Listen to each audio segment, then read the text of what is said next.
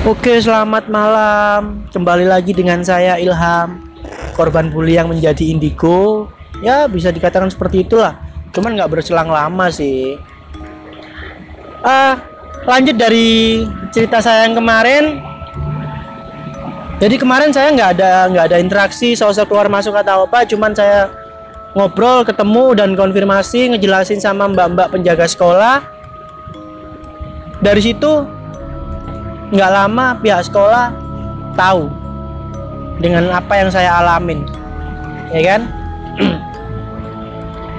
Salah satu guru nyampein ke teman saya titip salam kalau emang saya bisa sekolah sekolah. Kalau nggak bisa sekolah izin dulu. Paling enggak ya kan? Karena emang saya lama mungkin satu dua bulan.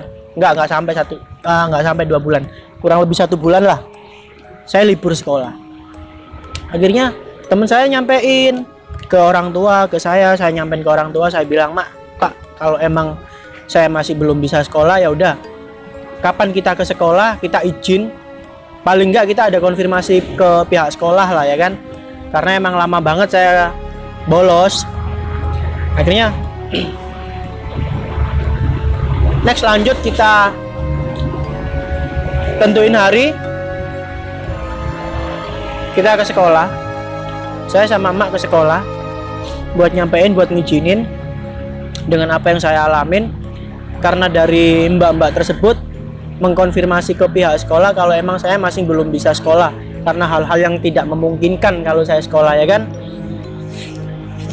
Akhirnya dari dari cerita tersebut uh, apa ya?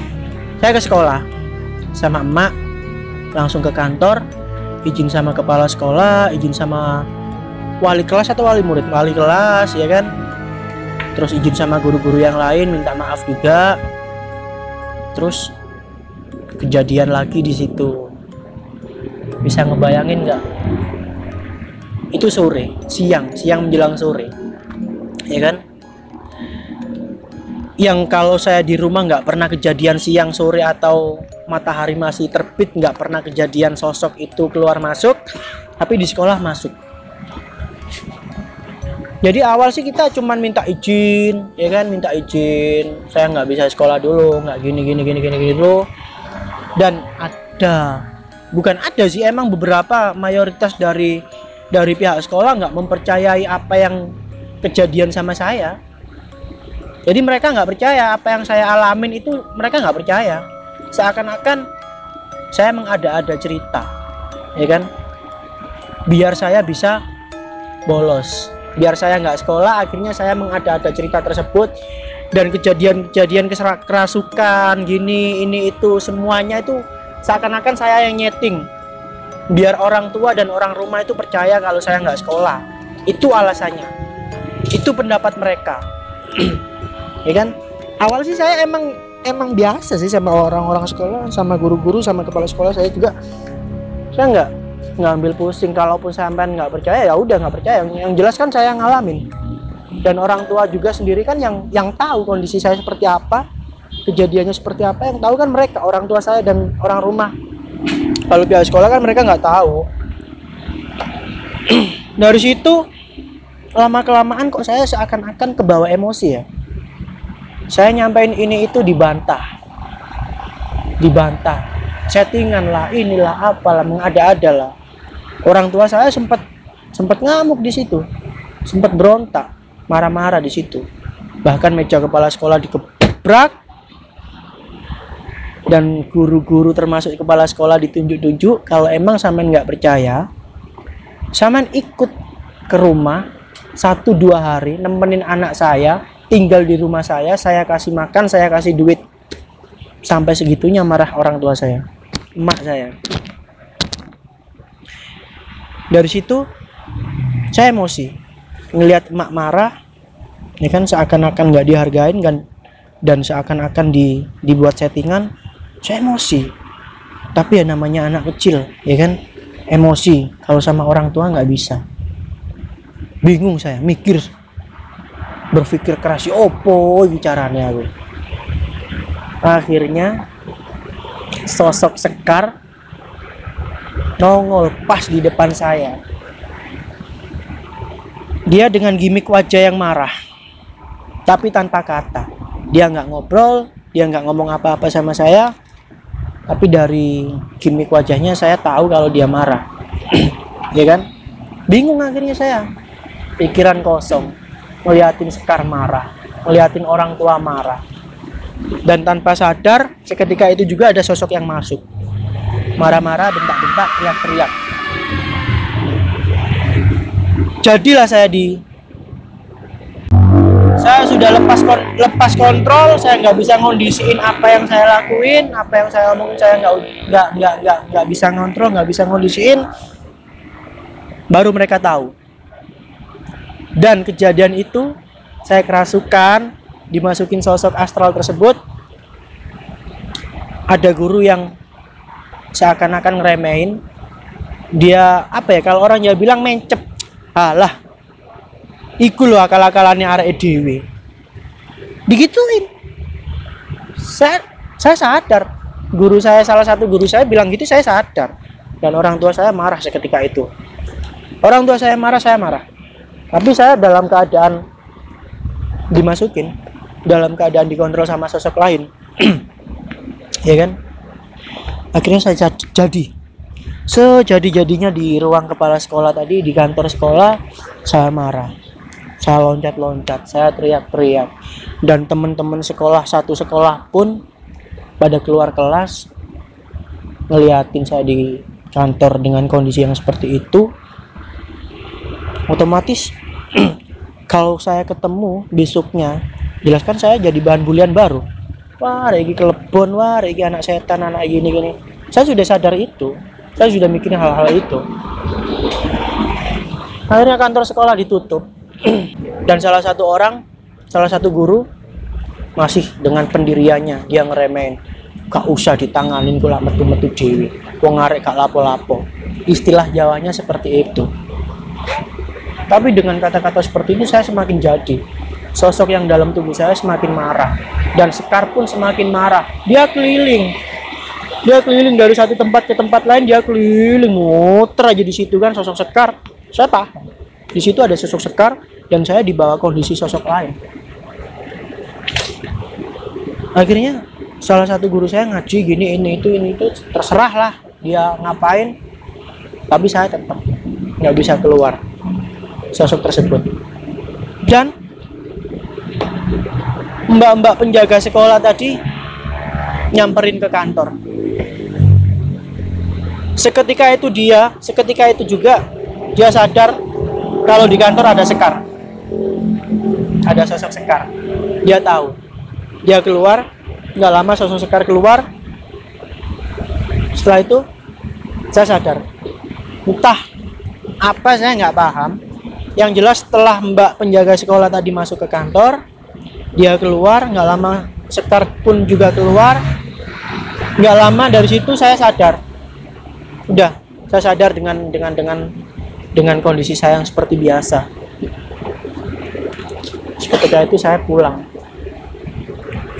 Tapi dengan ya uh, dengan berat hati dengan apa yang disampaikan dan respon dari pihak sekolah yang seperti itu ya wajar sih. Saya agak-agak aja nggak terima agak kecewa gitu kan. Tapi mau gimana lagi? Yang penting kan dari saya sama orang tua juga sudah izin ke sekolah. Tapi tapi pas kejadian di sekolah itu saya masih terbawa sampai ke rumah. Saya terbawa sampai ke rumah. Pikiran saya kosong. Saya nggak bisa mikir apa-apa. Ya kan? Saya nggak mau nggak tahu mau ngapain juga. Saya nggak tahu nggak paham juga sampai malam ada sosok lain yang masuk. Sosok yang begitu keras. Sosok yang begitu ekstrim. Dia ngelemparin barang-barang. Dia marah-marah nggak jelas. Semua orang diajak berantem. Bahkan datang paranormal pun dia diajak berantem. Apa yang ada di depan dia dilempar. Siapa yang ada di depan dia dipukul jadi kejadian itu mungkin berkesan tapi kesan buruk buat saya. Lain halnya dengan sosok anak kecil yang bisa nyembuhin orang tadi kan jadi di situ saya bergelut. Bergelut dengan orang-orang sekitar. Asal kalian tahu di setiap saya kejadian di setiap saya kerasukan atau di bawah sadar saya yang jaga, yang ngeliat itu lebih dari 10 orang termasuk dari paranormal, keluarga dan orang luar tetangga-tetangga kanan kiri. Ngeliatin. Dan semua orang yang ada di situ saya tantang semua saat itu. Saya tantang. Tapi ini malamnya kan setelah dari sekolah. Saya tantang saya ajakin berantem saya ajakin ini itu ajakin rame apa akhirnya mungkin yang paranormal tersebut udah ngerasa putus asa ya kan? Dia udah ngerasa putus asa udah kurang lebih hampir satu dua bulan saya nggak ada perubahan di bawahlah saya ke tempat gurunya malam itu juga. Kalau orang kalau orang Surabaya mungkin paham di daerah Margorukun di situ tempat gurunya gurunya paranormal tersebut. Saya dibawa ke sana sebelum dibawa ke sana saya dibawa ke rumahnya dulu. Orangnya mau bawa apalah saya nggak paham juga mau ambil apa saya juga nggak paham. Yang jelas sekitar jam 1 jam 2 saya nyampe ke rumah gurunya tersebut. Tapi yang anehnya respon dari gurunya tersebut seakan-akan dia sudah terbiasa dengan hal-hal demikian gitu kan. Gurunya tersebut santai ngadepin saya. Saya pun santai yang awalnya berontak saya santai. Entah itu masih sosok tersebut atau sosok lain saya juga nggak paham. Ya kan? Dari situ saya ngobrol. Guru paranormal tersebut ngajakin ngobrol enak dengan bahasa Jawa yang halus dengan romo inggil ya kan? Komunikasi. Dan saya seingat saya saya bilang saya dari sini pak. Dari jam saya ngobrol diajakin komunikasi tanyain. Dan ternyata sosok yang masuk dalam tubuh saya tersebut orang luar. Jadi dia kebetulan lewat atau apa terus kok mungkin ada kesempatan buat masuk buat interaksi ya kan? Dan posisi posisi saya juga kosong dia masuk lah. Dia masuk di situ. Alhasil ya udah. Itu saya ditanganin lah di inilah di itulah. Ya kan? Dan pada akhirnya saya keluar. Sosok tersebut keluar. Dari kejadian tersebut paranormal tersebut ngajak saya ke tempat gurunya. Ya seperti yang saya bilang tadi sosok tersebut keluar tapi nggak lama datang lagi sosok yang lain. Datang lagi sosok yang lain dengan dengan ekspresi yang agak-agak sensi ya kan? Dan ritual di situ mulailah dia nanganin saya lagi. Yang sosok masuk ini bisa dikatakan agak keras atau apa saya nggak paham sih istilahnya apa. Cuman dia bilangnya saya kasih jur, satu jurus gitu aja. Mungkin paker atau apa gitu saya juga nggak paham. Yang jelas dia bilang setelah sosok tersebut bilang eh, setelah sosok tersebut keluar sosok yang kedua keluar sang guru tersebut bilang e, ini insya Allah sudah aman ya kan? Karena anak ini sudah saya sudah saya kasih satu jurus. Dan saya nggak paham jurusnya apa apa nggak paham. Dari situ hari udah mulai pagi sih. Udah subuh juga kan. Saya pulang dan saya istirahat di situ Oke lanjut. Mungkin saya rasa part kali ini cukup karena harus makin malam juga kan. Uh, buat kalian para pendengar dan yang lain jangan pernah skip dukung terus podcast jangan sendirian karena dengan dukungan kalian karya anak bangsa semakin tersebar terima kasih